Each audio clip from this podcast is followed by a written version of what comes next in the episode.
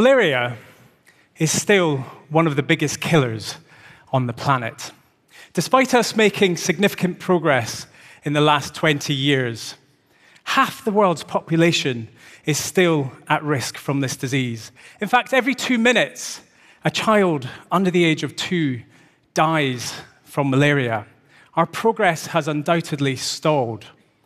Now, we face many challenges when it comes to tackling malaria. But one of the problems that we have is actually finding people who are infected with malaria in the first place. So, for example, if people have some level of immunity to the disease, then they can develop uh, an infection and become infectious and still pass it on, but not actually develop any symptoms. And that can be a, a big problem because how do you find those people? It's like looking for a needle in a haystack. Now, scientists have been trying to solve this problem for some years. But what I want to talk to you about today is that the solution to this problem may have been right under our noses this whole time. Now, that was a bit of a heavy start with lots of really important and serious statistics. So I want us all to just relax a little bit now. Help me to relax a little bit as well. So why don't we all just take a nice deep breath in? Wow. and sigh. Okay, and whew, gonna get blown away there. Okay, now I want you to do it again, but this time I want you to do it just through your nose. And I want you to really sense the environment around you. And in fact, I want you to really smell the person who's sitting next to you, even if you don't know them. I don't care. Lean in, get your nose right into their armpit. Come on, stop being so British about it. Get your nose into the armpit, have a good old sniff, see what you can smell. Now, each and every one of us would have had a very different sensory experience there. Some of us will have smelt something rather pleasant, perhaps somebody's perfume. But some of us might have smelt something a little bit less pleasant, perhaps. Uh, perhaps somebody's bad breath or, or body odor. Maybe you even smelled your own body odor. But you know, there's probably a good reason that some of us don't like certain body smells. Throughout history, there have been many examples of diseases being associated with a smell. So, for example, typhoid apparently smells like baked brown bread. Well, that's quite a nice smell, isn't it? But it starts to get a little bit worse. TB smells like stale beer, and yellow fever smells like the inside of a butcher shop, like raw meat. And in fact, when you look at the sort of words that are used to describe diseases, you tend to find these words rotting, foul, putrid, or pungent. So it's no surprise then that smell and body odor gets a bit of a bad reputation. If I was to say to you, you smell, now you're going to take that uh, not exactly as a compliment, are you? Um, but you do smell. You've just found that out. You do smell. It's a scientific fact. And I'd quite like to turn that on its head. What if we could actually think about smell in a positive way? What if we could put it to good use? What if we could detect the chemicals that are given off by our bodies when we're ill and use that to diagnose people. Now, we'd, we'd need to develop good sensors that would allow us to do this. But it turns out that the world's best sensors actually already exist, and they're called animals. Now, animals are built to smell. They live their everyday lives according to their nose. They sense the environment, which tells them really important information about how to stay alive, essentially.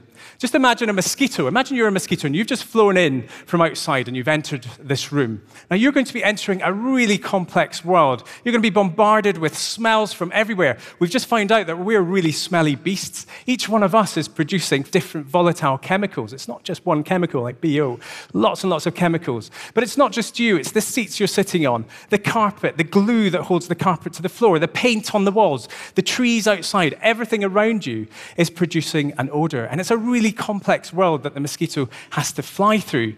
And it has to, to find you within that really complex world. And each and every one of you will know. Come on, hands up who always gets bitten by mosquitoes. And hands up who never gets bitten. There's always one or two really annoying people that, that never get bitten. But the mosquito has a really hard job to find you. And that's all to do with the way you smell. People who don't attract mosquitoes smell repellent. And what we know is that. I should clarify repellent to mosquitoes, not to people. And what we know now is that that is actually uh, controlled by our genes. But mosquitoes are able to do that because they have a highly sophisticated sense of smell. And they're able to see through all this sort of odor sludge to find you, that individual, and bite you um, as a blood meal. But what would happen if one of you was infected with malaria? Well, let's just have a quick look at the malaria life cycle. So it's quite complex. But basically, what happens is a mosquito has to bite somebody to become infected. Once it bites uh, an infected person, the parasites travel through the mouth part into the gut. It then bursts through the gut, creates cysts, um, and then the parasites replicate, and then they make a journey from the gut all the way to the salivary glands, where they are then injected back into another person when the mosquito bites, because it injects saliva as it bites. Then inside the human, it goes through a whole other cycle, a whole other part of the life cycle. So it goes through a liver stage, changes shape, and then comes out into the bloodstream again. And eventually, that person will become infectious. Now, one thing we know about the parasite world is that they are incredibly good at manipulating their hosts to enhance their own transmission, to make sure that they get passed onwards. If this was to happen in the malaria system, it might make sense that it would be something to do with odor that they manipulate because odor is the key. Odor is the thing that links us between mosquitoes. That's how they find us. This is what we call the malaria manipulation hypothesis, and it's something that we've been working on over the last few years. So, one of the first things that we wanted to do in our study was to find out whether an infection with malaria actually makes you more attractive to mosquitoes or not. So, in Kenya, with our colleagues, we designed an experiment where we had participants, children in Kenya, sleep inside tents. The odor from the tent was blown to a chamber which contained mosquitoes, and the mosquitoes would behaviorally respond. They would fly towards or fly away from the odors, depending on whether they liked them or not. Now, some of the participants were infected with malaria, and some of them were uninfected. But importantly, none of the children had any symptoms whatsoever. Now, when we found and saw the results, it was really quite staggering. People who were infected with malaria were significantly more attractive than people who were uninfected. So let me explain this graph. We have number of mosquitoes attracted to the child, and we have two sets of data before treatment and after treatment. On the far left-hand side, that bar represents a group of people who are uninfected. And as we move towards the right-hand side, these people have become infected, and they're moving towards the stage that they're infectious. So, right at the stage when people are infectious is when they are significantly more attractive. In this study, then, what we did is we obviously gave the children treatment to clear the parasites, and then we tested them again. And what we found was that highly attractive trait that was there disappeared after they had cleared the infection. So it wasn't just that the people were more attractive, it was that the parasite was manipulating um, its host in some way to make it more attractive to mosquitoes, standing out like a beacon to attract more mosquitoes so that it could continue its life cycle. The next thing we wanted to do was find out what it was the mosquito was actually smelling. What was it detecting? So, to do that, we had to collect the body odor from the participants. And we did this by wrapping bags around their feet, which allowed us to collect the volatile odors from their feet. And feet's really important to mosquitoes. They really love the smell of feet. especially cheesy feet. Anybody got cheesy feet out there? Mosquitoes love that smell. So we focused on the feet and we collected the body odor. Now, when it comes to mosquitoes and olfaction, their sense of smell, it's very complex. It would be really nice if there was just one chemical that they detected, but it's not that simple. They have to detect a number of chemicals in the right concentration, the right ratios, the right combinations of chemicals. So you can sort of think about it like a, a musical composition. So, you know, if you get the note wrong, or you play it too loud or too soft, it doesn't sound right. Or a recipe, if you get an ingredient wrong, uh, or you cook it too long or too little, it doesn't taste right. Well, smell is the same. It's made up of a suite of chemicals in the right combination.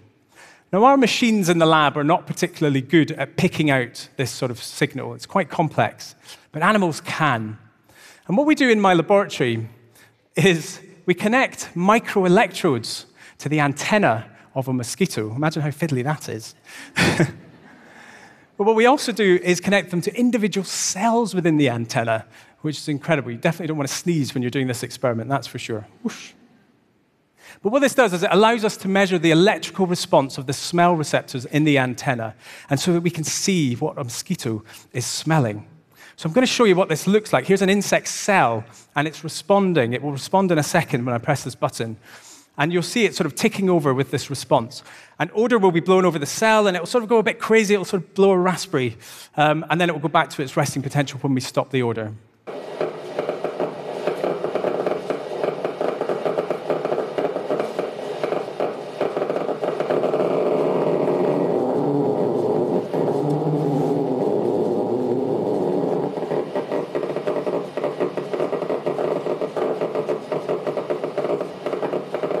Okay, there we go. So you can go home now and say that you've now seen an insect smelling and even hearing an insect smelling. It's a weird concept, isn't it? But this works really well, and this allows us to see what the insect is detecting. Now, using this method with our malaria samples, we were able to find out what the mosquito was detecting. And we found the malaria associated compounds, mainly aldehydes, a group of compounds that smelled, that signified the malaria uh, signal here. So now we know what the smell of malaria is, and we've used the mosquito as a biosensor to tell us what the smell of malaria actually is. Now, I'd like to imagine that you could, I don't know, put a harness on a little mosquito and uh, you know, put it on a lead and take it out and see if we can sniff. Uh, sniff people in a community, um, that goes on in my head, um, and see whether we could actually find people with malaria. But of course, that's not really possible. But there is an animal that we can do that with. Now, dogs have an incredible sense of smell, but there's something a little bit more special about them. They have an ability to learn.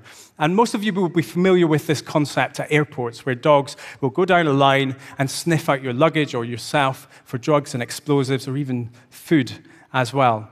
So, we wanted to know could we actually train dogs to learn the smell of malaria? And so, we've been working with a charity called Medical Detection Dogs to see whether we can train them to learn the smell of malaria. And we went out to the Gambia and did some more odor collection on children that were infected and uninfected. But this time, we collected their odor by making them wear socks, nylon stockings, to collect their, their body odor. And we brought them back to the UK, and then we handed them to this charity to run the experiment.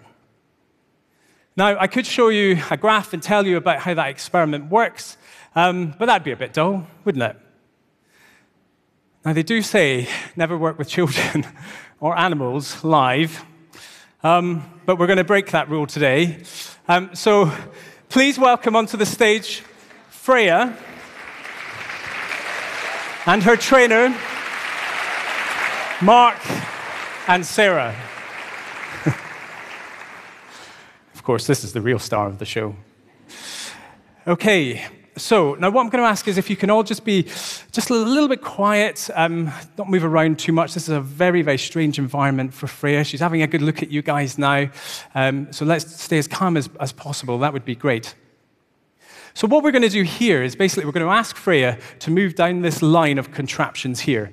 And in each one of these contraptions, we have a pot. And in the pot is a sock that's been worn by a child in the Gambia.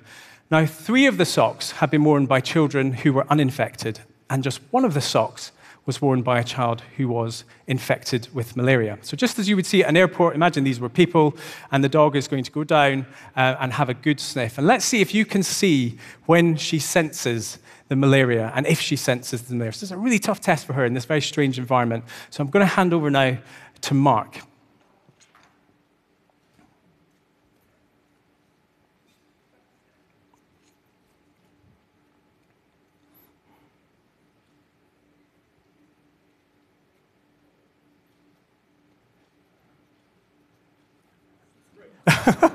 Number three.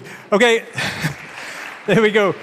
I didn't know which pot that was in. Mark didn't know which pot that was in. This was a blind test, genuinely. Sarah, was that correct? That was correct. Well done, Freya. That is fantastic. that is really wonderful. Okay, so that's brilliant. Now, what we're going to do is Sarah's going to actually change the pots around a little bit, and she's going to take the one with malaria away, and we're just going to have four pots that are containing socks from children that had no malaria. So, in theory, Freya should go down the line and, and not stop at all. And this is really important because we also need to know people who are not infected. She needs to be able to do that correctly as well. And this is a really tough test. These socks have been in the freezer for a couple of years now. Um, and, and this is a tiny bit of a sock as well. So imagine if this was a whole person and they were giving off a big signal. So this is really quite incredible. Okay, over to you, Mark.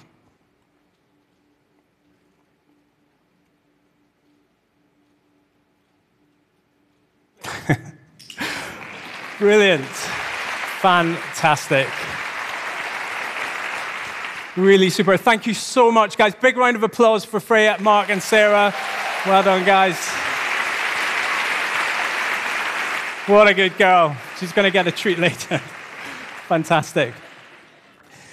So, you've just seen that for your own eyes. That was a real live demonstration. I was quite nervous about it. I'm so glad that it worked. Um, but it is really incredible. And when we do this, what we find is that these dogs can correctly tell us when somebody is infected with malaria 81% of the time. It's incredible. 92% of the time, they can tell us correctly when somebody does not have an infection. And those numbers are actually above the criteria set by the World Health Organization for a diagnostic. So we really are looking at deploying dogs in countries, and particularly at ports of entry, to detect people who have malaria. This could be a reality. But we can't deploy dogs everywhere. And so, what we're also looking to do and working on at the moment is the development of technology, wearable tech that would empower the individual to allow them to self diagnose. Imagine a patch that you wear on the skin that would detect in your sweat when you're infected with malaria and change color. Or something a little bit more technical, perhaps a smartwatch that would alert you when you're infected with malaria. And if we can do this digitally, and we can collect data. Imagine the amount of data that we can collect on a global scale. This could completely revolutionize the way that we track the spread of diseases, the way that we target our control efforts, and respond to disease outbreaks, ultimately helping to lead to the eradication of malaria and even beyond malaria for other diseases that we already know have a smell. If we can harness the power of nature to find out what those smells are, we could do this and make this a reality. Now, as scientists, we're tasked with coming up with new ideas, new concepts, new technologies to tackle some of the world's greatest problems. But what never ceases to amaze me is that often nature has already done this for us. And the answer is right under our nose. Thank you.